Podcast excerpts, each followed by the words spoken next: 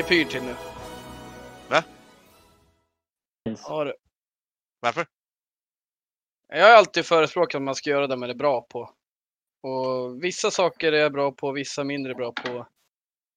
Ja, idag var det en av många gånger då det bevisar sig att jag inte är så jävla bra på att välja kiwi i affären efter jag handlat. Och, Aj, aj, aj. eh, en gång i tiden fick jag beröm för min, mina val av frukt och grönt så helvete. Men det jävla kiwi är fan omöjligt att få bra. De är alltid för mjuka tydligen.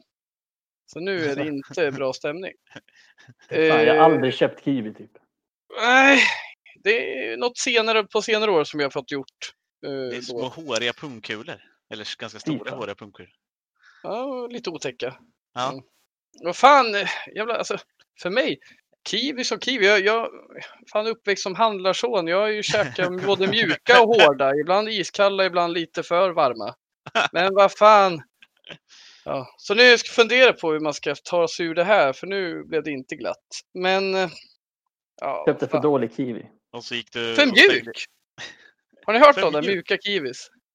Nej, jag har aldrig hört om för mjuka kiwis. Nej. Nej, Jag kan tycka att de är lite godare när de är lite mognare så att säga. Men det är ju subjektivt vad man tycker om sånt.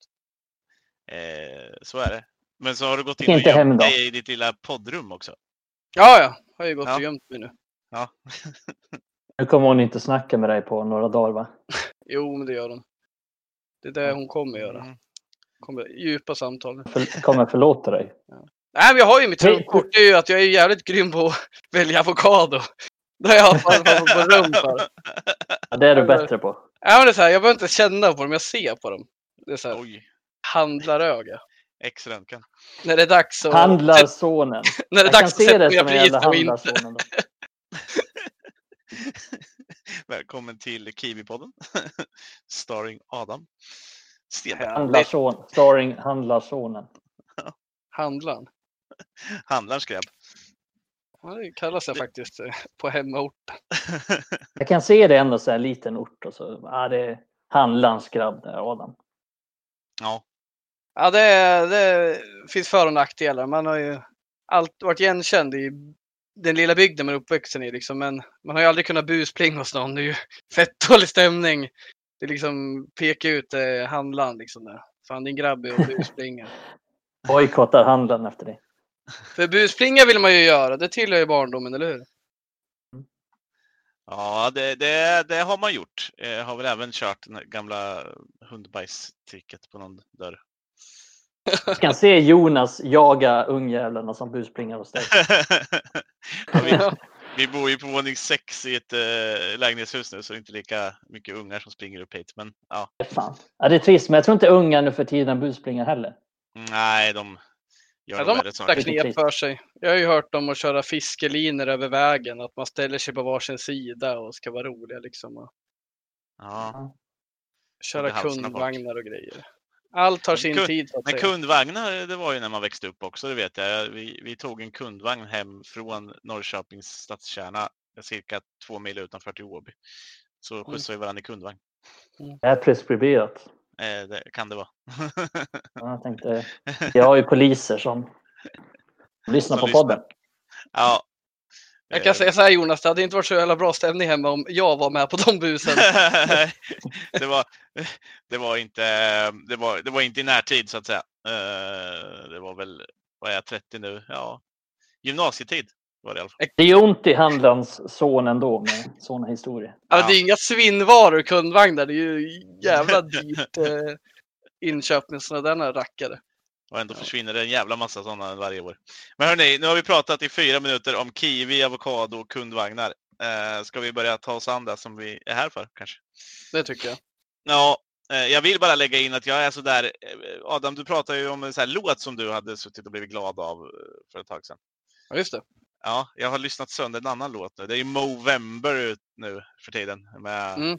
mustaschkamp och allting sånt. Så jag sitter ju här om alla som kollade på det här eh, inför eh, Southampton när jag körde live på Facebook så såg ni min fina mustasch och eh, Ja, min, min kära sambo här har skrattat ihjäl sig. Hon tycker att jag är, ser för jävlig ut och eh, samtidigt spelat eh, Mustaschen. En låt Okej. eh, som Se här kommer han med mustaschen. Ja. Han bugar och ber om en dans. Du, du, du. Ja. Tur att du har en fin personlighet Jonas. Ja, jag vet. Eh, jag hade nog inte vält omkull många själar på dansgolven med den här på läppen. Ehm, det, Det är ändå något vackert du gör liksom. Man får ju vara Ja. lite mindre vacker ett tag. men precis. Och samtidigt Det är vanesak också. Hade jag spelat mer fotboll nu för tiden, då hade jag nog haft kvar den här, för den är lite skräckinjagande också. Folk tycker att jag ser lite äcklig ut. Du är ju en ångervält på planen också, eller hur? Ja, Ja, det är det. Det kan jag... ja, det är det. Aldrig sett dig spela Jonas, men jag vet att du är det. Ja, eh, det är min, min, min aura utstrålar väl eh, kött ungefär. Ja, då. ja då. Men hörni, eh, vi är väl lite gladare idag eller? Överlag, förutom Adams Kiwi-incident. Ja, men det Ja, men vi hör ju på snacket här. Det är positiva vibbar. Ja, Ja. eller hur? Jag, jag, vill bara, jag vill bara inleda med, för alla lyssnare, så ska ni få lyssna på det här. eh, Och sen så bygger vi vidare på det.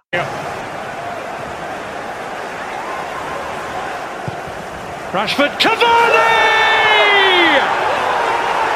Exactly the kind of quality that they brought him in for.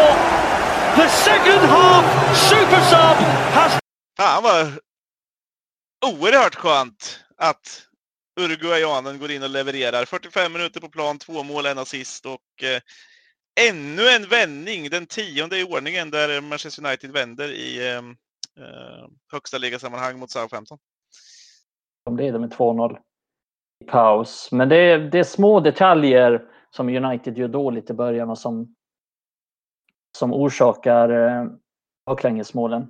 Och, och oskärpa framför mål. Det är väl inte jättebra målform på Greenwood och Rashford. Och Bruno Fernandes missade också ett jätteläge ska sägas. Så ja, så det, det var inga positiva tongångar efter första 45 det fanns ju ändå någonting där i spelet som var rätt bra ändå. Det var, jag tycker till exempel det var ju ganska mycket bättre halvlek än någonting, någonting vi såg mot West Bromwich. Absolut. Och till slut så fick vi utdelning i andra halvleken och Cavanis 45 minuter, ja de, de är väldigt, väldigt bra. Ja, men det är väl en liten opopulär åsikt ändå att, eh, jag, att man ändå tycker att första 45 ändå är ett steg i rätt riktning även fast vi ligger under med 2-0. Eh, jag tycker första 15-20 är ju United väldigt bra och man ser nyttan av Van de Beek. eh, Fred gör det bra. Vi, vi är ändå de som styr matchen. Matic ser lite rörlig ut. Eh, och jag tycker Tejes kommer upp bra till exempel. Eh, sen så händer det ju de här, eller James Ward-Prowse händer egentligen. Han klistrar en boll på huvudet på Bednarek och sen så tycker väl jag att man kan Ja, de Gia stannar ju upp halvvägs i ansatsen för att slänga sig mot bollen. Annars hade han ju tagit den. Och han slänger sig in i målet. I sparken menar du? Ja, på frisparken. Så att det är ju som du säger, det är ju individuella misstag som gör att vi ligger under med 2-0. Eller individuella misstag, det är väl egentligen individuell briljans från, eh, från Ward Prowse. Som gör att Ja, men vi ska inte orsaka den frisparken. Det är Nej, det, är det- det som är lite klumpigt. det, och det, där får Fred ta på sig. Det är väl egentligen det han gör sämst under hela matchen sen. Han Och sen eh, hörnan, visst, det, man måste ju såklart ge bort lite hörnor ibland. Det är inte det. Hörnan är extremt bra slagen, det ska sägas.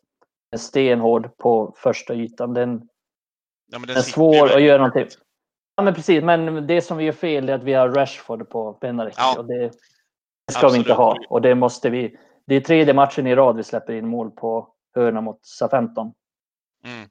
Eh, Så det tycker jag är dåliga förberedelser. Och det är väl det United gjorde dåligt i matchen. För i, i öppet spel så tycker jag inte de skapar särskilt mycket på hela 90 minuterna egentligen. Nej, det var väl Mané Junior ute på vänsterkanten som, som var lite, såg lite farlig ut ibland. Eh, vet faktiskt inte ens vad han heter. Genepo. Genepo. Jag kan hålla med dig Jonas, där du var inne på det med att någon sorts utveckling gör vi. Och även fast jag tycker att vi eh, är dåliga på defensiva fasta situationer eh, överlag gör vi ingen utveckling där och framförallt i synnerhet mot Southampton, nu är det tredje matchen i rad som vi släpper in ett fast situation. Har vi problem liksom och där finns det ju bekymmer, ingen nytt under solen för det var ett bevis på att vi fortsatt har problem med det. Det jag kan tycka en utveckling i den här matchen och som man kan ta efter det är att eh, på det här sättet vi utformade vårt mittfält tycker jag att vi hade bättre eh, hand om vår uppspelsfas än vi haft i tidigare matcher. Vi har haft problem mot Southampton tidigare när de satt press. Vi har haft problem mot Arsenal den här säsongen. Men jag tycker det var smart av Solskär att eh, välja att placera VDB till vänster rätt brett på mittfältet. För som jag upplevde så i den här matchbilden så tillät det oss att ha eh, flera spelare högre upp i planen eh, tillgängliga som ja, men leder till att vi har kvar bollen högt upp i plan. Och i exempel är ju att eh, VDB får bollen, har Telles tillgänglig, Bruno alltid tillgänglig, men Matic, Rashford på kanten. Vi kan hålla den kvar. Southampton inser att vi har tag om bollen och börjar backa hem och sen kan vi etablera spel. Tidigare så är det fasta redan på vänster eller högerback. Och där tycker jag att VDB gör en en bra roll. Och i första halvlek är jag inte jätteimponerad av honom. Jag tycker att fan, han är lite långt ner, men ju mer matchen matcher lider så blir ju han en liten nyckel i uppspelsfasen enligt mig då. Jag tycker att han, Bruno och eh, även Telles är väldigt eh, bidragande där. Jag gillar att Telles vågar ta och testa en lite längre boll ibland. Både i djupet men även på en striker. Eh, strikersna i den här matchen i första halvlek hade ju problem. Och det får vi se över i framtiden om det är Rashford och Greenwood som ska vara i tvåmannaanfall. Jag vill ju alltid starta dem, men kanske inte i den här formationen. Men att jag gillar att Telles vågar det och det tycker jag att Shaw, ja, han är väldigt säker i sitt passningsspel, men han vågar liksom inte riktigt eh, bredda sitt eh, spelsätt eh, från sin kant. Jag tycker Telles eh, ställde lite mer frågor då till motståndet. Det tycker ja, jag var smart, det... Ole. Det var modigt. Mm. Ja, och det, det visste vi ju sen innan lite att Shaw är lite mer, han tar inga större risker i sitt spel och det är väl ett av mina största problem med honom. Att han alltid går för det säkra kortet och det är därför han inte producerar så mycket framåt heller. ES är ju lite mer risktagande på gott och ont. Lite som med Bruno Fernandes, det är ju på gott och ont. I första halvlek till exempel var han inte särskilt bra och då slog han bort ganska mycket också. Det var ju frustrerande. Men han är ju som så många gånger förr, även om han inte var den största skillnaden idag, det kommer vi komma till, den största skillnaden, så var han ju fortfarande var ju fortfarande den som gjorde det, det första målet till exempel. Så han är ju fortfarande den som eh, bringar in poäng till oss. Ja, han kommer ju därifrån med ett mål och en halv assist kan man väl säga. Uh, till första målet på Cavani. Mm. Det är han som skjuter skottet. Alltså, så han är ja, precis. precis. Eh, men jag, jag, är helt med er. Alltså, jag gillar ju det. Vi, ja, vi har ju haft VDB-diskussioner förut och jag tyckte det var så kul att få se honom bli eller ha den rollen, alltså vara så pass nyttig som han ändå är i den här matchen. Eh, och det är lite som jag håller med dig också. Det är han tillsammans med vissa av de andra spelarna som du sen nämner är, blir ju väldigt viktiga. Och, men det ska man inte understryka heller. Alltså, anledningen att man kan flytta upp Bruno och VDB så där, det är ju att Fred och Matic gör det så pass bra bakåt. Fred, ja, är, är lite, Fred är lite överallt och vinner boll igen. Alltså jag är mm. mäkta imponerad av Freds utveckling till att bli en riktigt bra bollvinnare för United och, och han passar bra som som eh, en av de här två som ligger framför ankaret i, i den här diamanten. Eh, jag tyckte också att han blir, han har mer och mer under den här säsongen växt till att försöka lite offensiva saker också.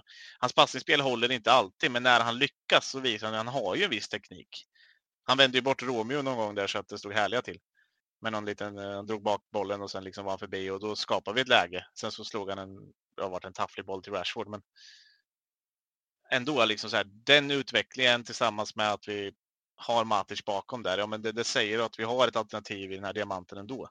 Och ännu en, en um, unpopular opinion så att säga. Att VDB istället för Pogba i den här.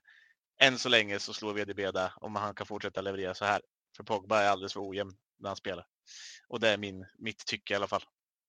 Ja, men det här, den här eh, formationen, det är egentligen den som ska få fram det bästa ur Pogba. Och det har det väl kommit någon gång, men det har också kommit insatser där han inte alls har varit bra i den. Han är ju ett väldigt osäkert kort och det är väl det största problemet med Pogba, att han inte presterat på en jämn nivå plus att han är borta titt som tätt, fortfarande skadad nu också. Så jag håller med dig där att eh, VDB är ju, även om han är ny, nästan ett säkrare kort att ha på planen.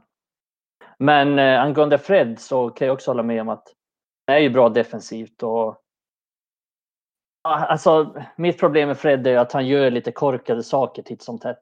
Det är väl eh, den frisparken han orsakar. Men som du säger så är han ju extremt nyttig och jag tycker att han och Matic på planen här till exempel.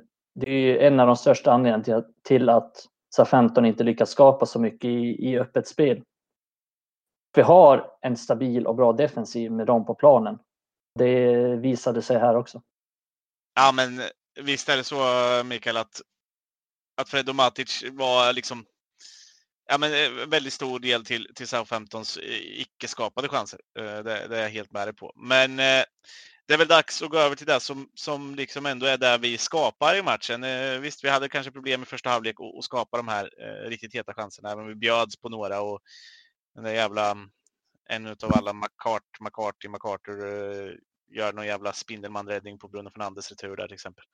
Eh, så gör vi ju två byten i 45 minuten. Eh, dels de Gia ut efter att ha skadat sig vid det där frisparkssläppet och Henderson in och sen så äntrar Edison Cavani mot en, eh, en Greenwood som inte kanske är så mycket i form. Men Cavani, vad gör karn egentligen?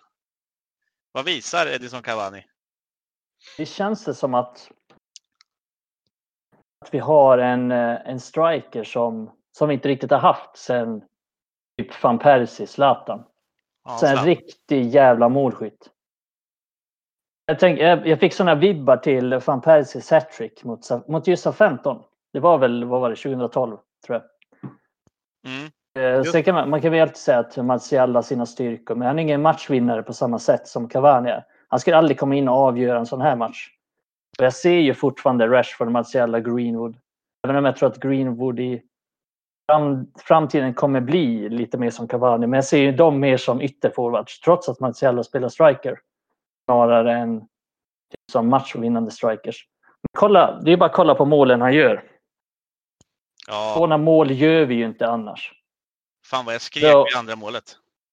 ja, fan vad jag skrek vid tredje målet. Ja, men det, det är alltså, men, alltså, men, men den löpningen han tar, Bruno Fernandes, när han skjuter. Alltså den instinkten, den har ju ingen av våra forwards just nu. Och det är väl det, är det jag tycker att vi, vi kan ha saknat. Att de är jätteduktiga fotbollsspelare, Martial och Rashford. Och på sin dag då kan Rashford komma in och göra ett hattrick på en kvart. De har inte den här rörelsen, den instinkten, inte den tuffheten i boxen som Cavani har. Det är väl det som är den stora skillnaden. Jag tycker att nu kunde man se liksom att vi har en, en riktig nummer nio. Vi har haft diskussionen, är Martial en riktig nummer nio? Är han... Alltså jag tycker att nu kan vi nästan slå fast det här, alltså Martial är ingenting som Cavani är. Martial är bra på sina saker, men han är inte den här nummer nio som, som Cavani är. Det tycker jag blev extremt tydligt mot 15 nu. Mm. Det sjukaste med Martial är att han har egentligen varit som bäst i vårt lag när han varit striker, nia. När han kom in eh, under Fajal, då var han väl anfallare direkt. Mm. Och sen är han tillbaka anfallare förra säsongen. Har varit ett mycket på kanten både under Mourinho och sådär. Och, och nu får han chansen igen. Och man har ju snackat om det liksom. Det är där han är som bäst. Men jag kan förstå vad du menar Mikael. Samtidigt han vill ju ändå dra var ju vår kanten. bästa spelare förra året enligt många. Liksom. Ja, absolut. Och vad säger det? Det är ju liksom att eh, ja, men det saknas ju ändå mycket från honom. Liksom. Men eh, man saknar den här, de här enkla målen, den här killerinstinkten. Sådana här mål vi, vi måste Precis. kunna få. De gör ju alltså, Martial, Rashford, de gör bara snygga mål. Han har aldrig gjort ett snyggt mål i hela sitt liv. Nej, och alltså titta på det där, alltså just det här med andra målet. Att när han ser att, att han skjuter, titta liksom på vad, vad gör Rashford då? När han ser att Bruno skjuter. Ja, men Rashford står still och tittar på vad kommer hända nu? Eh, Mm. Van de Beek har tagit sig framåt redan och är väl egentligen lite felpositionerad. Men Cavani ser ju, det är nu jag ska springa. För att bollen kan komma på retur. Det är väl egentligen det han rusar för. Och sen mitt i allt det här ser han, fan den här bollen kommer ju här. Och så ändrar han bara om allting och nickar in den där jävla bollen. Och det är ju precis som ni säger, det där har ingen utav de andra som vi har. Men det går inte att... Det går, det går att instruera Mm. Bruno Fernandes att slå mycket inlägg eller slå, eh, ta skott från distans. Men det går inte att instruera en anfallare hur han ska löpa i straffområdet. Det handlar ju om rutin och lärdom. Och liksom. Det här är ju en som har idkat det här sättet att föra sig på en plan hela livet. Och det liksom tog verkligen fart under Napoli och sen är det bara malt på. Blivit PSGs bästa målskytt genom tiderna. Och även fast det är i franska ligan så har han ju alltid levererat i Champions League med. Eh, Så Mm. absolut, alltså det är ju... Det är där jag tycker det kanske är det mest spännande med Cavani i förlängningen. Jag är ju så här... Eh, jag och Melker hade en liten diskussion internt eh, om Cavani. Och jag skrev ju någonting där som jag nästan får käka upp lite med honom i skribentgruppen där att men jag ser ju någonstans, ska vi välja startelva så ser det som galet att peta Greenwood för Cavani. Men samtidigt vill jag kanske se båda. För jag vill, oavsett uppställning vill jag få in båda för jag tycker att Greenwood är för bra för att ha på bänken. Han behöver spela nu och han är en fantastisk spelare och han behövde speltid mot Southampton för att komma igång.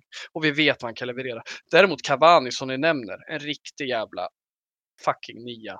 Löper, rör sig, kämpar, pressar, visar vägen. Precis som Bruno, liksom vinnarskalle. Jag vill få in båda, men alltså någonstans det jag ser mest fram emot i det här och som kommer skapa sånt jävla värde, trots att det kanske sågs en gång som lite panik att köpa han eller signa upp honom så sent som vi gjorde, det är att jag ser honom som ett perfekt, en perfekt jävla role model, perfekt mentor för Greenwood. Det är ganska liknande spel egentligen. Alltså de, är, de har bra avslut, eh, inga som är monsterstora, en liksom normal längd på anfallare. Kan han lära sig av honom så jävla mycket rörlighet, hur man ska hantera en match, liksom pressa och så vidare. Jag, jag ser det som ett stort värde att få in honom. Och Martial och Rashford, de har faktiskt fått eh, eh dela omklädningsrum med Rooney, Zlatan. De har haft möjligheten att tagit del av erfarenheten, av lärdomarna från världsklasspelare. Det har inte riktigt Greenwood fått. Lukaku kan vi snacka så, men det är inte så att de har suttit bredvid varandra och gafflat om eh, Gameboy och Boy och allt fan vad det är. Det här är en perfekt mentor för Mason Greenwood och jag ser fram emot det som fan. Jag kom in på det här med Melker jag tycker han, han, han stod på där med, med Cavani och han har ju rätt och jag får ju någonstans backa. Jag har varit lite skeptisk mot Cavani för det har varit lite panikvärvning att köpa han så sent. Hade det varit, eller signa upp han så sent, hade det varit eh, vad ska man säga, förberett, då hade vi gjort det tidigare. Men med kortet på bordet, jättebra. Han kommer kunna lära sig. Eh, en brasklapp för att hoppas nu, när han får spela mycket 90 minuters matcher, vilket han kommer få göra, att han håller sig hel då. För vi ska ha med oss hans skaderegister från, för, fr- från eh, PSGs eh, eh, sista år. Och mm, jag är lite avvaktande, men jag ser värdet igen. Jag ser ett stort värde. Och vi såg mot Southampton vad han kan göra på planen.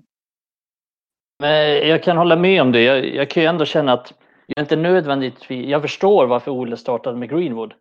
Och hade Greenwood gjort mål på de lägena som han fick, vilket han brukar göra vanligtvis. Han är ju trots allt en av kanske klubbens bästa avslutare. Tillsammans med Cavani. Och då hade ju alla hyllat Ole för det beslutet. Men nu... Sen ska man ju ändå komma ihåg att när Cavani hoppat in, att han har varit sisådär. Jag tycker han har sett väldigt kantig och rostig ut. Så jag kunde ju verkligen inte se det här komma. Men han har, vi vet ju alla att han, har- han har den kapaciteten, Cavani. Han har den kapaciteten att, att göra det han gjorde. Och det är självklart att han ska starta framöver. Han ska starta i nästa match, för det går inte att peta honom efter en sån här, en sån här match. Men jag, jag, håller, jag håller helt med dig Adam där med att han är ett föredöme för de andra och någon att ta efter, för det är rörelsemönstret han har. Har ingen annan och där är han absolut världsklass. 33 år eller inte, det tappar han inte. Han tappar inte den instinkt, instinkten. Han tappar inte det, det rörelsemönstret som han har. Nej, jag håller med. Och, och jag kan känna så här, absolut, han ska starta och han är värd det. Och jag känner så här diskussionen med Greenwood om det var fel. Ja, men han gjorde ingen bra match, men jag kan backa det till 5000 procent. Att Greenwood skulle starta den matchen. Det var tid för det. Han är redo. Han ska in i laget. Sen om det är Rashford som, ja men kanske, han skulle någonstans få stå över en stund för konkurrensen. Jag vill alltid starta Rashford i och för sig, men att liksom, det var fel att starta Greenwood. sådär. Han gjorde en, ett par dåliga beslut, men han skapar dem någonstans själv också i sitt sätt att pressa. Så ja, men Cavani, det är intressant. Men jag, jag vill säga, jag, jag, jag, vill inte att det ska vara svart eller vitt. För jag har sett en del kritik mot Greenwoods insats med och det är, det är mycket kött om honom nu. Ja, men det är klart, han, han, är ju, han har ju haft det tungt utanför planen och man kunde ju se det redan i, i tidigare matcher att han vill verkligen göra ett mål. Tyckte han är lite egoistisk när han hoppade in mot turkarna där och nu, alltså så här dåliga avslut brukar jag inte ha. Så det är ju någon, det är någon självförtroende grej. Han har ju som, som jag sa, han har ju en tung period. Men eh, det kan ju liksom, Ole kan ju inte ta hänsyn till det på förhand. Att kommer det läget, ja då kommer Greenwood missa. Han, han litar ju på att han kommer sätta de lägena. Och egentligen tycker jag inte att man kan klandra Ole för att han startar med Greenwood. För han kom till lägena, han skapade dem och vanligtvis så sätter han dem. Nu har han en lite tyngre period och då missar han dem. Men han, Nej, kommer, han, han kommer komma tillbaka. Har... Ja, man kan inte klandra Ole för att han har lagt sina ägg i Martial-korgen den här inledningen på säsongen. Martial har en tuff start. Han har haft en avstängd och sådär. Vi behöver få igång de här. De kommer liksom inte vila sig i form. Men eh, jag förstår ju folk som menar på att man borde starta Cavani. Han visar ju verkligen varför han skulle ha startat. Ja, men det är lätt att säga efterhand också. Ja, ja. Det, är, det är jättelätt och det är nästan fånigt att säga så. Men man förstår att folk säger så. Ja, absolut. Ja, där kommer vi nog inte kunna komma undan att, eh, att folk kommer yttra någonting annat. Eh, så mycket känner vi våra fans där ute. Nej, men det är många också nu som, vad var det jag sa? Cavani ja. är världsklass, bla bla bla. Jo, jo, det är han. Han är fantastisk och vi ska hylla honom och det är bra. Men vi ska ju andas lite också. Jag tror att oavsett hur det går för Cavani så är han enormt viktig för våra anfallare. För formen är dagsfärsk, men hans erfarenhet, den är alltid värt någonting. Och det kommer bli bra tror jag, men jag tror liksom inte man kan säga om, om det här är en flopp eller en världsklassvärvning. Att säga att han floppar innan den här matchen, det är bara galet. Om det ens nu är så många som gjort det liksom. Men det är klart, vissa har ju snackat om Falcao, det är bara galet. Hur fan kan man ens jämföra honom med Falcao? Fattar inte. Nej, nej precis. Och sen, jag, det är Paul Merson-nivå på den analysen. det är bra analys, Paul Merson. Nej, men jag tror att det, det, var Ole som sa det i en intervju nyligen att han ju ingen anfallare som Cavani heller. Så det är ju liksom det är det jag menar med att det var givet att ta in honom. Vi har, ingen, vi har inte den typen av striker i truppen. Och det är svårt att säga emot det. Det är ju exakt det vi såg. Vi har ingen sån här typ av striker. Nej, och det Ja, nej, men det, det, är uppenbart liksom så att det, det är en nyttig värvning. Eh, sen så precis som du säger Adam, man ska andas. Det, det, det här betyder inte att det blir 20 plus mål för Cavani. Eh, liksom så, ja, kanske alla tävlingar beroende på hur mycket han får spela, men, men, men det är ingenting som betyder någonting sånt. Även om folk verkar få det att låta som nu att han ska vinna skytteligan och grejer. Ja, men det kommer ju inte hända. Nej, men man eh. hoppas ju så innerligt att han håller sig frisk och kan fortsätta ja, ja. löpa på med matcher. Då, då, kommer det ju kunna bli bra såklart. Men att har han liknande skadehistorik som han haft de senaste åren i PSG, då, då, då ser jag att det är svårt att han ska etablera sig. Liksom. Mm. Ja. Men det som är bra här det är ju att han kommer inte behöva spela hela tiden. Nej, Utan är han sliten, känner han av någonting, då har vi råd att vila honom. Ja, då kan vi köra James som falsk nia. Om det är så. ja, vi såg ju vad han kunde göra mot Finland. ja, han har bra bästa där. Ja. Eh, nej, men vad heter det? Jag tänkte väl eh, att vi skulle flytta vidare eh, lite framåt där, men bara för att avsluta så kan vi väl ändå säga att tre viktiga poäng. Eh, det för oss upp i tabellen eh, och läget ser eh, betydligt ljusare ut rent tabellmässigt. Med en match mindre och lite sådana där grejer så, så kan vi klättra lite till. Om allt går våran väg så att säga. Ja, Så det känns skönt. Ja, Eh, men vi tar oss vidare.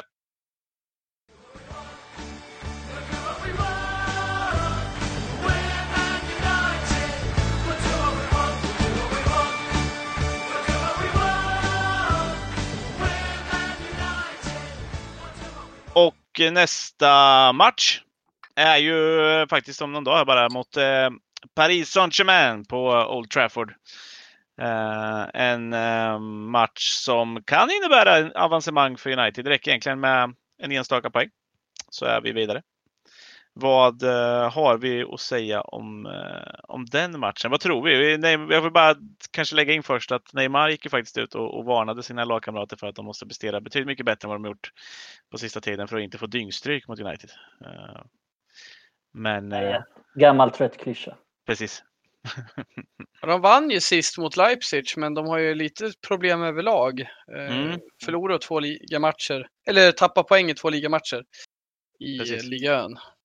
Ja, bara 2-2 hemma mot Bordeaux va? I Ja. såg jag. Mm. Bra. Eh, Vad heter det? Men, men hur är det där Jonas? En poäng sa du, då, då gäller det att vi får med ett resultat i den andra matchen också. Nej, jag tror det räcker med kryss för då kan inte... Mm. Jag är helt säker på att det ska räcka med en poäng i alla fall.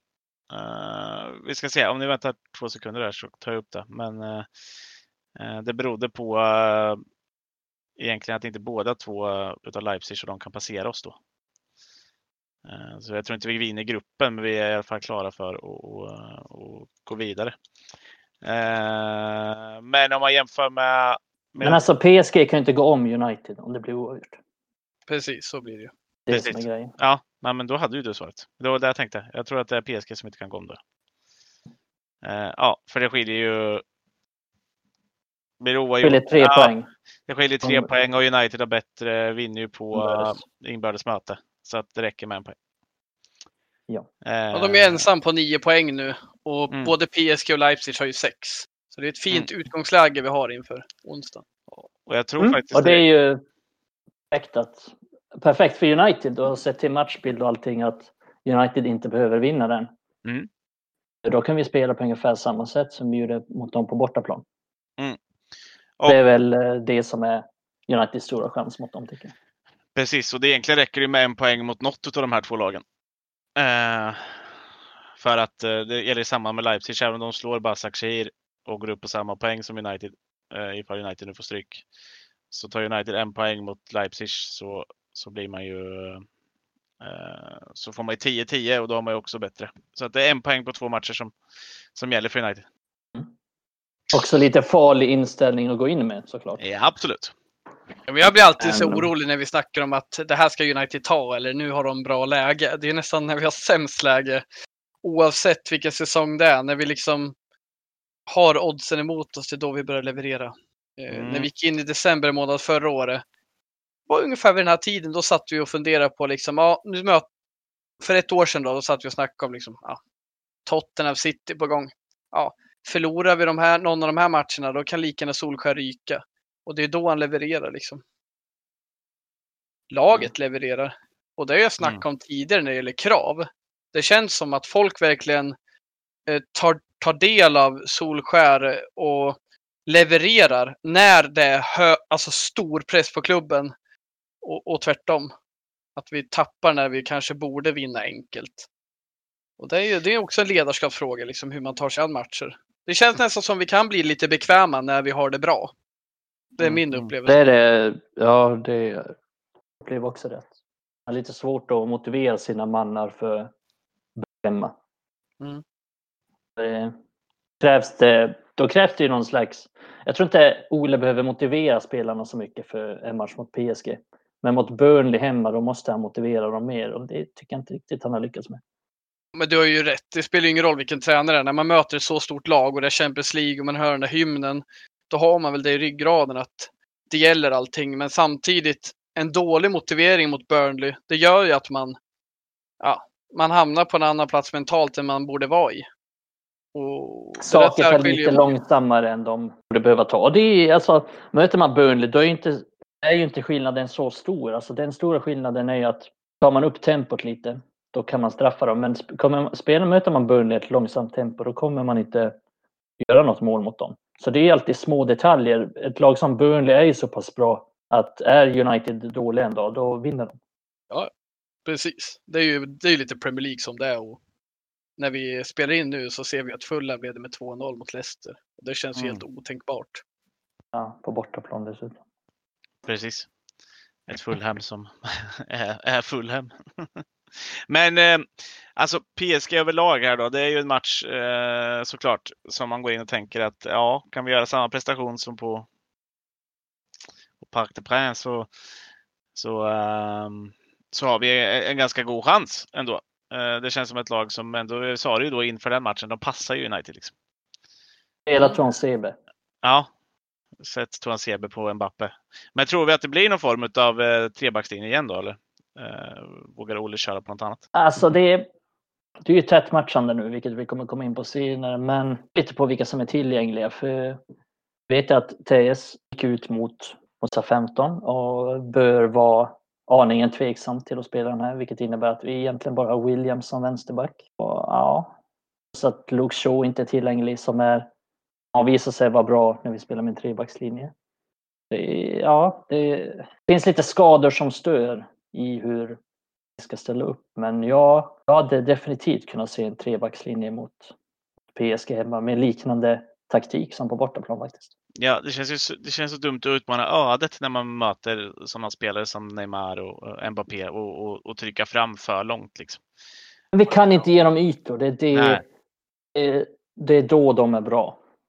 De är ju lite som United. De är jävligt bra när, när de får ytor för de har så pass mycket individuell kvalitet och snabbhet framåt. Jag tycker eh, matcher vi gjort eh, under Solskär har inte liksom varit med fembackslinjen. Det har inte varit beroende av eh, wingbacks som gör jättebra ifrån sig. Det har snarare varit eh, annat då.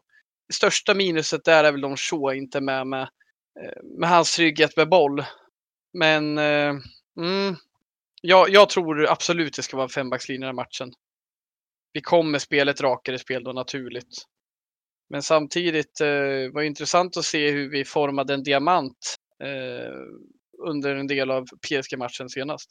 Ja, eh, det var Och ju... det var ju också för att eh, vi behövde hantera den här kvitteringen som blev. Det var väl en kvittering, eller? När Pogba Ja, hoppade in. det var det. Ja, Mm. det var när Martial gjorde självmål. Kvittera. Ja, just. Eh, Men ja, men precis. Det var ju ett, ett skifte utav, eh, det var Pogba gick in istället för Tejes. va?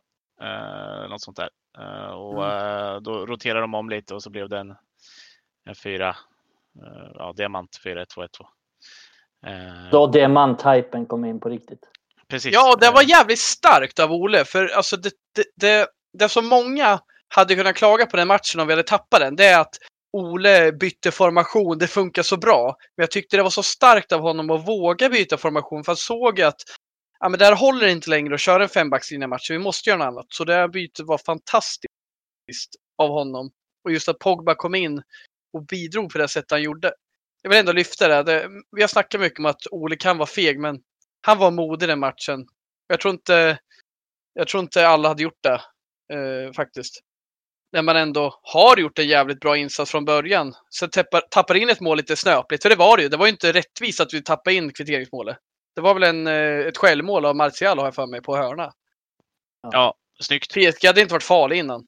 För Toasebe hade pock, alltså, haft eh, deras anfallare i fickan. Liksom. Jag, jag skulle lätt kunna starta Toasebe i den här matchen.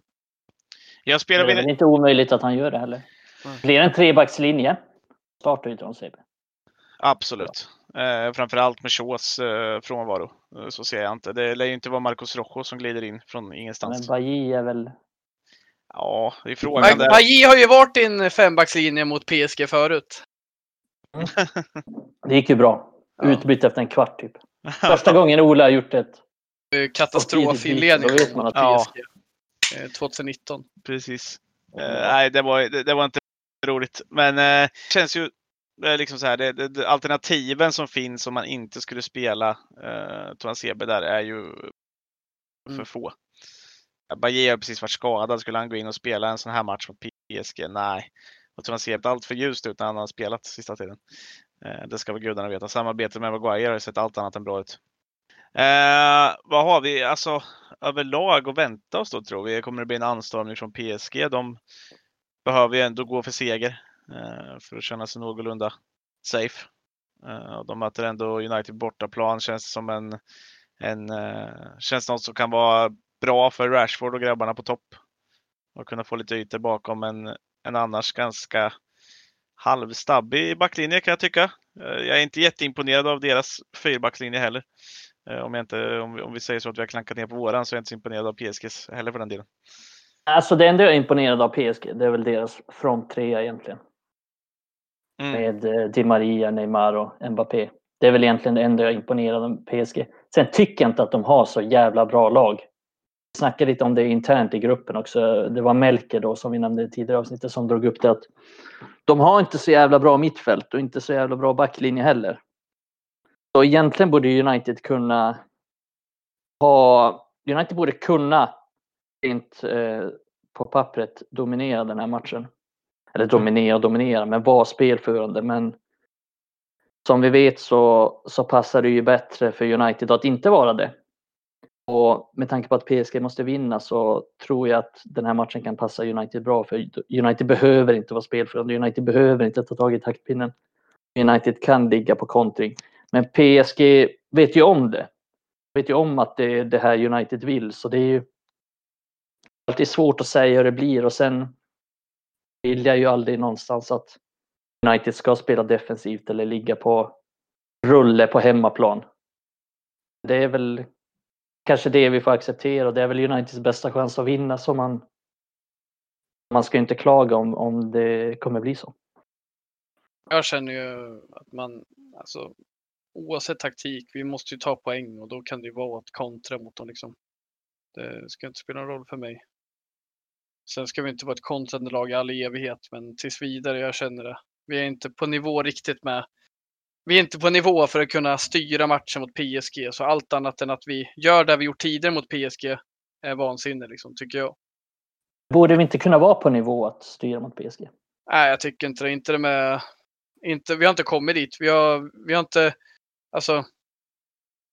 Jag tycker det, vad ska man säga, det, det är för... Det är för riskfyllt. Vi vet ju vad som funkar mot dem. Det är skillnad om vi mötte något nytt lag vi inte visste hur vi skulle ta oss an. Typ som Leipzig. Jag hade ingen riktig tanke där. Jag visste inte exakt vad vi skulle möta mer än att det är hög press och sådär. Men att eh, vi vet ju att när Rashford får gå i djupet så är det ett hot mot eh, PSG. Och vår fembackslinje funkar ju mot både City och PSG. Så jag tycker det, det är där vi ska köra.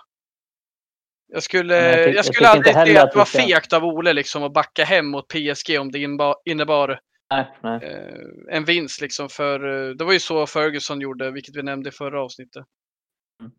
Det, nej, det, det håller jag helt med om. Men någonstans så tycker jag att vi det borde inte vara omöjligt för den här truppen att få ut den dominansen. Ett PSG, men jag håller med om att det är helt rätt taktik att inte försöka dominera matchen. Ja, men du tänker ju mer Men- ett bredare perspektiv, liksom att vi Ja, borde kunna göra mer av materialet vi har idag. Exakt. Exakt, att vi vet inte. Det, det känns ju som att vi har sagt det här i flera år. Vi står fortfarande kvar där. Det här kontringsstadiet. Och det, visst, jag kan ju köpa att den här truppen, det här spelarmaterialet som har till förfogande, det är ju, de trivs bäst när de får kontra. Någonstans vill man ju se inom en snar framtid att vi kan dominera den här typen av matcher också. Jag kan ju tycka att vi, vi har ju tillräckligt bra lag för att kunna styra en match och över två matcher vinna mot Sevilla. Men jag tror inte vi är där än eh, när det kommer till PSG eh, eller Leipzig eller typ eh, Dortmund. Att vi ska gå in med inställningen att vi ska styra den här matchen och vinna den. Med mer bollinnehav. Jag, jag, jag ser inte att vi är där än, för det är för mycket eh, nya komponenter. Till exempel i framtiden om vi hade Pogba, Bruno, van de Beek och ett riktigt starkt ankare Se att vi har potentialen. Men har vi till exempel Fred, Matic och Bruno på plan så ser jag inte hur vi ska göra det. Så det, det behövs tid då för att han ska lösa det. Och sen är ju överlag, jag tror ju inte Solskär på lång sikt kommer lyckas bryta ner sitt motstånd. För det känns som det krävs för mycket förutsättningar för att han ska lyckas med det. Det har tagit för lång tid nu. Um, sen är det en annan femma mot Burnley borta som ligger jättelågt. Eller PSG som är lite mer, uh, har högre backlinje så det finns andra förutsättningar. Uh, ja. så, så, känner jag. Men som sagt Sevilla, det är så här, fan vi, ska, vi är inte sämre än dem, men vi hade skitsvårt mot dem och ville jag att vi skulle kontra där? Nej, för det, det är det Sevilla vill göra. Vi ska ta den matchen och vi har fan med materialet för att vinna den matchen. Men vi lyckas inte och i det här fallet så handlar det väldigt mycket om vår defensiva struktur. Eh, vilket vi nämnde nyligen senast mot, eh, med David där. Om hur problem vi har när motståndarna kommer till inlägg. Framförallt när bollen hamnar i, i änden av straffområdet, antingen från vänster eller höger. Men framförallt inlägg från höger eh, när motståndaren slår inlägg från höger där AVB i bortre delen av straffområdet ofta står och dagdrömmer. Mm. mm.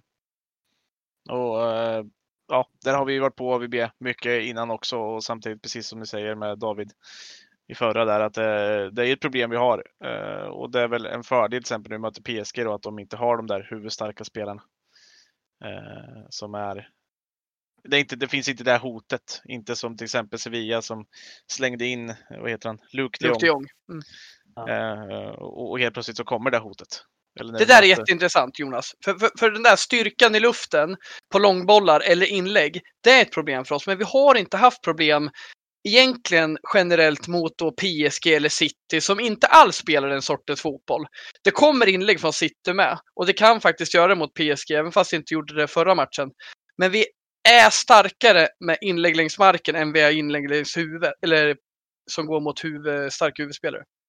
Mm. Ja, för det är bara Maguire som är riktigt bra huvudspelet av våra mittbackar. Egentligen. Exakt. Exakt. Vi alla, Tuansebe, Lindelöf, Bailly, alla de tre är relativt svaga i, hu i huvudspelet. Och det är därför Tuansebe var så bra mot PSG. Det är ingen slump att han var det. De spelar mycket djupled, mycket snabbhet. Och då är Tuansebe extremt snabb. Men skulle han möta... Han skulle vara bättre mot PSG än han skulle vara mot... Burnley. Den tidens Stoke, tänkte jag säga. Men ja, vi kan ta det eviga exemplet Burnley. Ja, han hade varit bättre mot, mot PSG än mot Burnley för att det passar, PSG passar hans styrka mycket bättre. Mm. Ja, och på tal om det så var ju inte Maguire med senast mot PSG. Nej. Nej. Ja, det, och han saknades PSG inte. Passar väl, PSG passar väl Maguires styrkor inte särskilt bra. Nej.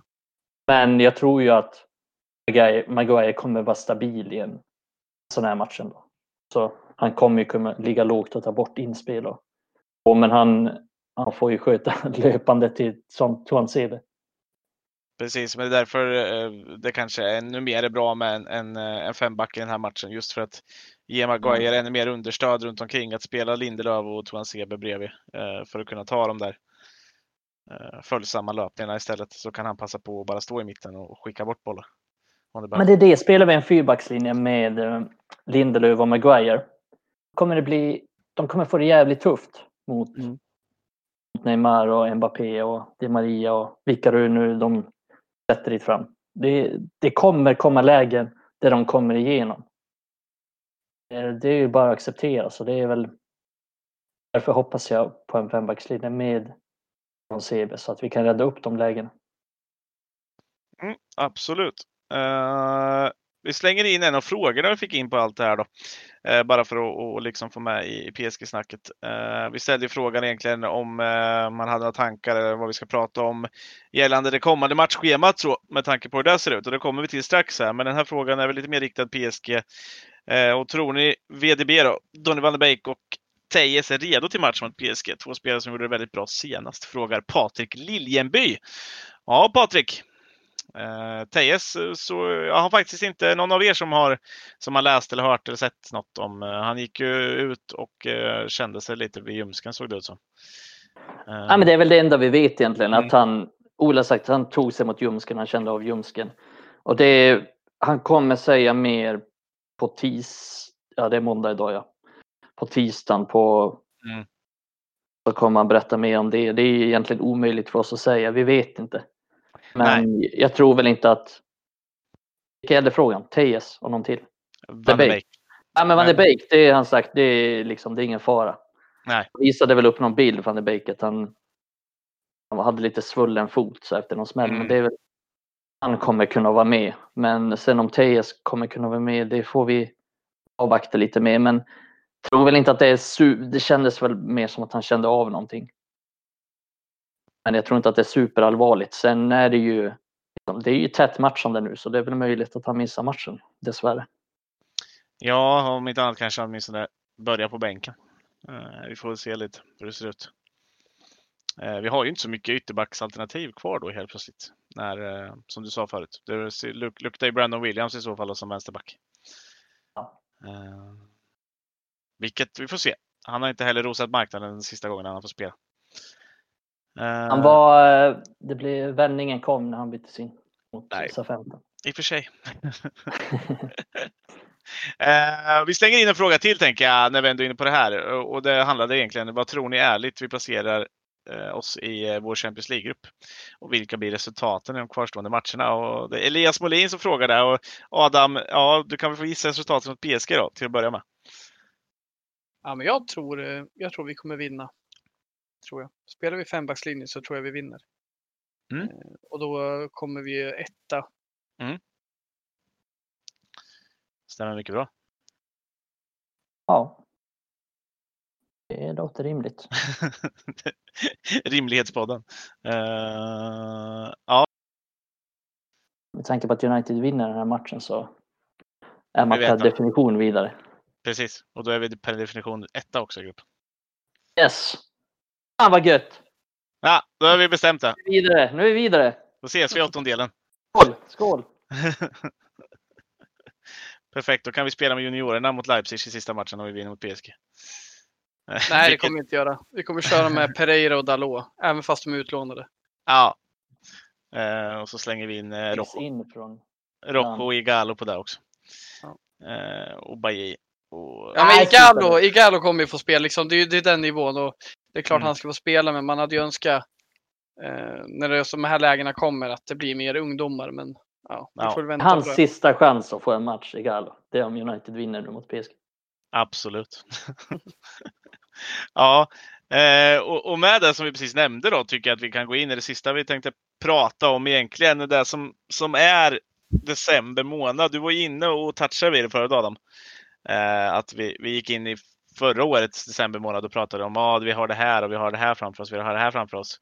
Eh, från egentligen PSG-matchen nu då. Eh, som, som spelas eh, den 2 december. Eh, så har vi 10 matcher. 10 matcher fram till, eh, var det 2 januari? Ja. Det är 10 matcher. Det är fruktansvärt mycket matchfotboll och vi möter lag som City, vi möter Leeds, vi möter Leipzig. Eh, Det är, det är en hel del tunga matcher i det där också, men bara att det är 10 och någonstans där är det en ligacup-kvart mot eh, Everton också. Vad, Alla matcher är tunga. Fan, har United. gett sig in på. ja, men, många Det finns inga enkla matcher för United. Nej, vi har Wolves där i också. Aston Villa som går bra. Eh, Boxing Day på King, Power King Stadium. Ja. Är läskigt. Power Kings. Alltså. Power King. Stadium, det är Le- Leipzig förresten. Jag jag har nästan räknat upp alla. Den enda jag ser som är sådär någorlunda som man bara säger, ah, okej. Fast de, de pratar vi om precis och de håller på att slå Leicester precis. Så att, eh, nej förresten, den, eh, det var inget. Fulham är faktiskt den efter. När vi kanske får ett uppehåll. Om vi får stryk mot Everton så kanske vi får ett uppehåll efter 2 januari. På, på. Herregud, FA-cupen där. Eh, Ja just det, det kommer komma in FA-cup också. kommer inte komma något uppehåll. Nej, det blir inget. bara liksom så här, hänga in så många matcher Det var, ett, det var ett drömtänk från Mr Andersson här i Norrköping. Att Det faktiskt eh, någon kan få vila lite. Men alltså, håll, har vi en trupp som håller för det här? Det, det, det finns ju inte en chans i världen. Det här är Oles största test någonsin. Och rådda uh, Ehm, ja, alltså har Liverpool en trupp som klarar det? Nej, skulle jag säga. Men det är väl, Men de har spel som klarar det. Ja det har de. Och det har inte eh, United. Men eh, De har ju en eh, tränare med foliehatt också.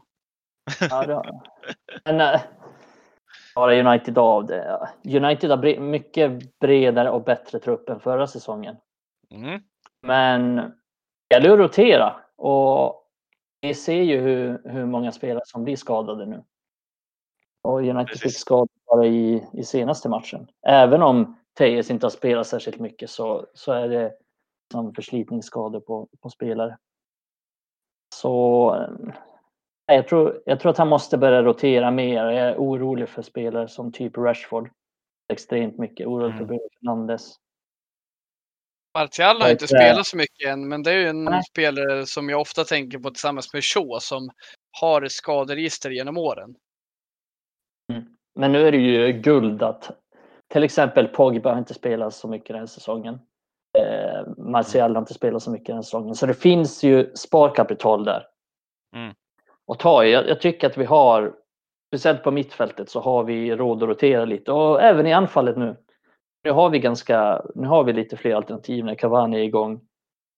Det finns ju Igalo som någon slags jävla nödlösning där men jag ser ogärna Igalo i någon någon viktig match framöver. Men det är klart, behövs det vila så ska ju han spela igen. Kanske en ligacupmatch eller en fa Cup-match. Ja, men alltså ta ligacupkvarten mot Everton. Alltså seriöst så, så är det en chipscup för min del som jag inte bryr mig om det här året. Det viktigare, de andra matcherna runt omkring är så mycket, mycket viktigare. Så där hade jag kunnat spela med Elanga, Igalo och, och James längst fram. Med Mata bak. Ah, Fy fan vilken trio det hade blivit. Det var Hönsgård. Klass skulle jag säga. Nästan med. jävlar vilken hönsgård. Den trion också. Det hade varit underbart att se. Konst, som ett konstprojekt att se. Ja, Ja. Lange det- är väl kanske bäst då, men han är inte den som styr upp ett spel. Liksom. Han är ju mer power, lite som Rashford kanske. Alltså jag vet inte varför. Jag får så här, jag får så här dålig känsla i magen när jag hör er raljera om Igalos kompetens. Liksom. Jag har nämnt det tidigare. Alltså, någonstans har Du vi ju liksom... Igalo. Ja, men, ah, ja, men alltså, fan, jag tycker inte illa om honom. Jag tycker inte han har gjort bort sig än. Och jag, jag kan säga så här, jag fattar att han är femte valen nu, för jag kan inte, jag kan inte lägga min hand på en, en fråga liksom, ska Igalo gå före den eller den eller den? Nej, men liksom, fan fantastiskt att ha en sån spelare. Sen, jag vet inte alla preferenser som jag alltid utgår från, liksom, vad kostar han i drift och så vidare. Det är ju såklart, kostar han mycket ska han väck med tanke på vad vi har för material och att vi har folk som kommer underifrån. Men jag känner så här liksom, jag skulle kunna sätta in han mot West Ham, inget problem. För han har inte gjort bort sig än. Men vi har ju Cavani in och då har det blivit liksom så här, okej, nu trycker vi ner eh, Igalo i frysboxen och vi snackar inte som det. Men kan ni liksom, kan ni rättfärdiga för mig att han har liksom gjort bort sig än? Eller är det här Nej. bara liksom att tiden går vidare? Det är nog mer att tiden går, för min del är att tiden går vidare och att vi ser så här. Alltså när spelar han sist liksom? Hur, hur, Ja, men vi satt och älskade honom i februari när han Ja, ja. vräkte in mål. Eh, på- in på- på- mål. Ja, men så här, på, på sin minut han, han la. Det är inte så att han körde 90 minut efter 90 minut. Nej. Vi alla, vi, det sjöng sånger om honom och det, det snackades om vilken fantastisk reserv det är. Sen håller jag med. Liksom, det är inte Igalo som ska ta oss framåt. Men jag har liksom, jag vet inte vad det är. Om jag har köpt några aktier i hans eh, agentur eller vad det är. Någonting har gjort. Med något svagt men jag, jag känner väl jag så har här, ju känslor för den där fan. Ja, det har du. Det har du. Du snackar ofta Ja. upp honom. jag tänka på det nu också. Nej, men jag känner väl lite så här med Galo att han, han kom in lite på inspiration för säsongen och var så jävla nöjd med allting och älskade varenda minut han fick. Och, du vet, så här klassisk första halvår. Jag känner väl nu när han har spelat den här säsongen, det har han ändå gjort lite i början. Spelat lite i ligacupen och så. Tycker inte att han har sett särskilt bra ut och det är alltid svårt att säga. Så här, det är inte rättvist att döma ut honom efter några matcher, men det möter vi liksom Luton Town, då måste han ju ta den chansen, men det tycker jag inte riktigt han har gjort när han har, han har fått spela den här säsongen. Så det är naturligt att han hamnar i, hamnar i skuggan och sen egentligen nu när Cavani kommer in så behövs inte han längre. Nej, och, och så är det ju. Och vi har ju Greenwood, Cavani, Martial, Rashford före honom. Eh, Det är helt naturligt. Men jag tänker bara om det är något jag missar i det här, för eh, det är såklart, han ska aldrig vara i en spelartrupp eh, när alla är friska liksom. Men jag tycker det är en lite skön joker. Men ska han förlänga sitt lån? Nej, men det är väl ingen idé liksom. Nej, och det, det, det, Jag det kan inte döma ut han än i alla fall, men eh, han är absolut inte före någon av de nyss nämnda. Det jag dömer ut är att det har gått så pass mycket matcher den här säsongen och jag har inte sett honom spela än. Alltså, det var. Det har gått en stund nu sedan han spelade fotboll. Han är inte i den åldern där du kan gå allt för länge utan att spela eh, matchfotboll. Eh, Han är väl aldrig ens på bänken. eh, han har varit med på bänken i, i Champions League. Va? Ja, någon match har varit med men alltså, Någon i Premier League så är också. han ju sällan. Ja, ja, det har han ju men i stort så är han ju inte riktigt med ens i... Och där är det så här, det blir nästan liksom orättvist att räkna med att han ska gå in och göra någon leverans överhuvudtaget i, i, i någon match. Mm. Ja men det är det verkligen. Det, är- det Det där jag menar jag går Det är liksom svårt inte att bytas in. Liksom. den här säsongen. Han har Nej, inte fått nej. en ärlig chans. Så kan det inte göra, men det är därför det blir lite så här. Det är den, det är den, Borde han ha fått en ärlig chans? då? Jag tycker inte riktigt det. Nej, inte jag heller. Inte med de vi har nu. Nej, det är ju det. Han har ju för hård konkurrens liksom. Men, men eh, det är ju en sak att liksom eh, bedöma han eller att bara säga att nej, men han räcker inte till. Precis som eh, Garner inte räcker till att bli utlånad. Liksom, det säger ju ingenting om han egentligen. Det är mer att ja, men han får inte plats i den här truppen. Vi har för mycket centrala mittfältare. Då lånar vi ut Garner. Men Igalo, liksom, det är inget jag kan, det är inget jag kan kämpa för. Hans tid är ju förbi. Men det var anledningen till att jag tog upp det var liksom bara för att fatta om det har hänt någonting där som jag missade. Ja, nej. Eh, absolut inte. Men det är kul att vi står på lite olika sidor. Skulle jag säga ändå. Du ska brinna för dina chipsledare Adam. Ja, men chipsledare, han är ju inte det. Vad är han då? Är Ja, han hör hemma, han hör hemma i The Champions League. Det är därför du älskar honom så jävla Ja. mycket. Ja, fan, det var ingen som sa i februari. Det var ingen som sa det i februari. Det är fan en Han- bra reserv sa vi. Och det är ju det han också. ska ju till, eh, Det är många chipsledare som bra. Millwall eller Barnsley. Nej, Watford. Wycombe Wanderers. Ja, Jag tror han och Troy Deeney Oh. kommer eh, Nej. joina Wickham Han- Wanderers Med Akinfenwa. Med en trio, trio med, med, Dean, med Dini, Akinfenwa och Igalo. Den, de, jag hade sett på dem varenda, varenda vecka. Lätt. Den trion mot Igalo, Elanga, James. Fan vilken random trio där. Igalo, James, Elanga. ja, det var faktiskt inte kul. Eh, Det är så här liksom att ta fram bålen och dra lott om vilka som ska spela. Då, då, hamnar, då hamnar Elanga, Igalo och James som Ja, men-. Så där man gjorde typ sista matchen i juniorserierna, så där, där man bara drog lott och en som skulle stå i mål eh, och så fick alla bara rätta sig i ledet. Bara för att någon, någon skulle få en chans att spela på topp någon gång som alla hade fått det. Men så fick man stå i mål istället. Ja, jag, jag har ju aldrig haft någon eh, stående roll som anfallare, men fan vad glad man blev när man fick spela anfallare någon gång. Mm.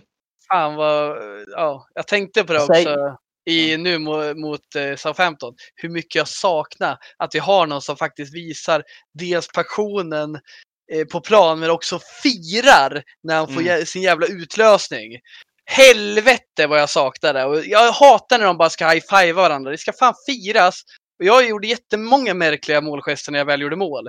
kanske handlar om att jag gjorde fem mål eh, per sekel. Men också, fan man ska fira dem tycker jag. Det spelar ingen roll om det heter Cavani eller om det heter Francis Jeffers. Man ska fira sitt mål. Allt annat, det fan känns det fel för mig. Ja, men det är både, både ja och nej. Jag kan till exempel eh, Bruno Fernandes mål. Det är ingen som firar den. I Ja, men det förstår man ju. Men och det ett tycker jag inte att man ska göra. Nej, precis. För det gjorde ju James förra säsongen när han gjorde Ja. något kvitteringsmål mot Palace har jag för mig. Det var jättemärkligt. Och det Mm. fattar jag. Men gör du öppningsmålet eller gör du 3-1 mål så säkra matchen. Du ska klart fira. Sen håller jag med dig Mikael. Ja, du ska inte fira som en gud när du ligger under. Men Ja, att, precis. jag tycker typ ofta att Martial, Rashford, eh, Greenwood, han kan glida lite på knäna. Det känns som Rashford firar när det är riktigt så här guldmål mot PSG och så här stort. Ja, Jag vill bara se fira. Fira järnet.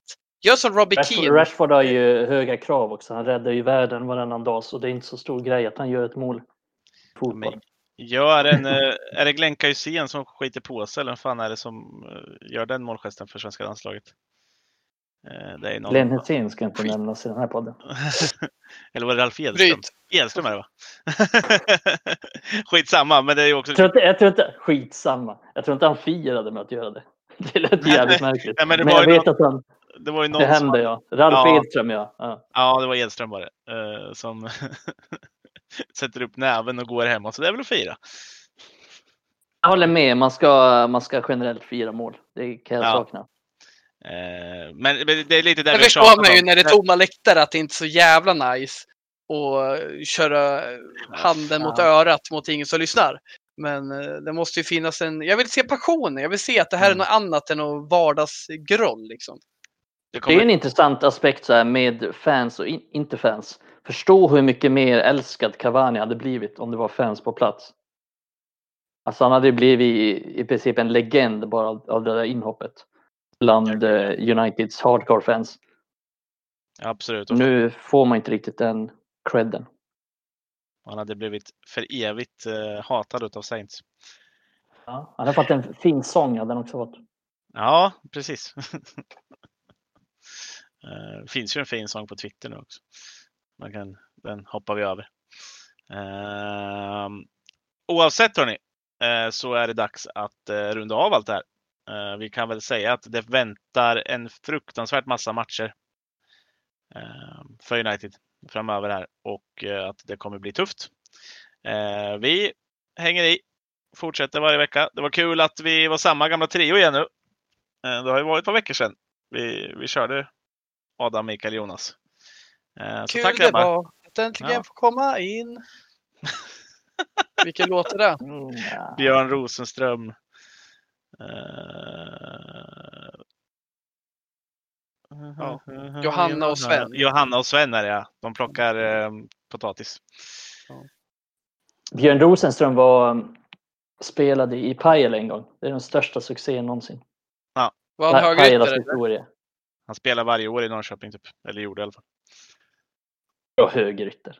Ja, du sa att han spelade i Pajala. I och med att han spelar musik där. Ja, Och du Ja, stod längst fram. det. När jag var liten så trodde jag att det var den här, eh, det var väl en som spelade i Bayern som heter Björn Runström. Ja. Ja, eh, Spelade väl Fulham också? ja det gjorde han. Ja, Eh, stämmer. Jag blandade alltid, jag trodde att det var han som var Björn Rosenström. Ja, Det men det är han också. med. Trodde han spelade sina låtar på Kevin Cottage också eller? Ja, precis. Uh, nej, men hörni, eh, tack för idag. Så eh, tackar vi lyssnarna. Eh, tack för de frågorna vi fick. Vi kommer fortsätta spela in er mer och mer här. Vi älskar att ni är med och interagerar med oss. Så kommentera, skriv till oss. Det är askul varje gång. Glöm inte att följa oss på Instagram, Twitter, Facebook. Och ja, klicka på like på Spotify och all, vad ni nu lyssnar på. Podden finns där poddar finns. Bye bye!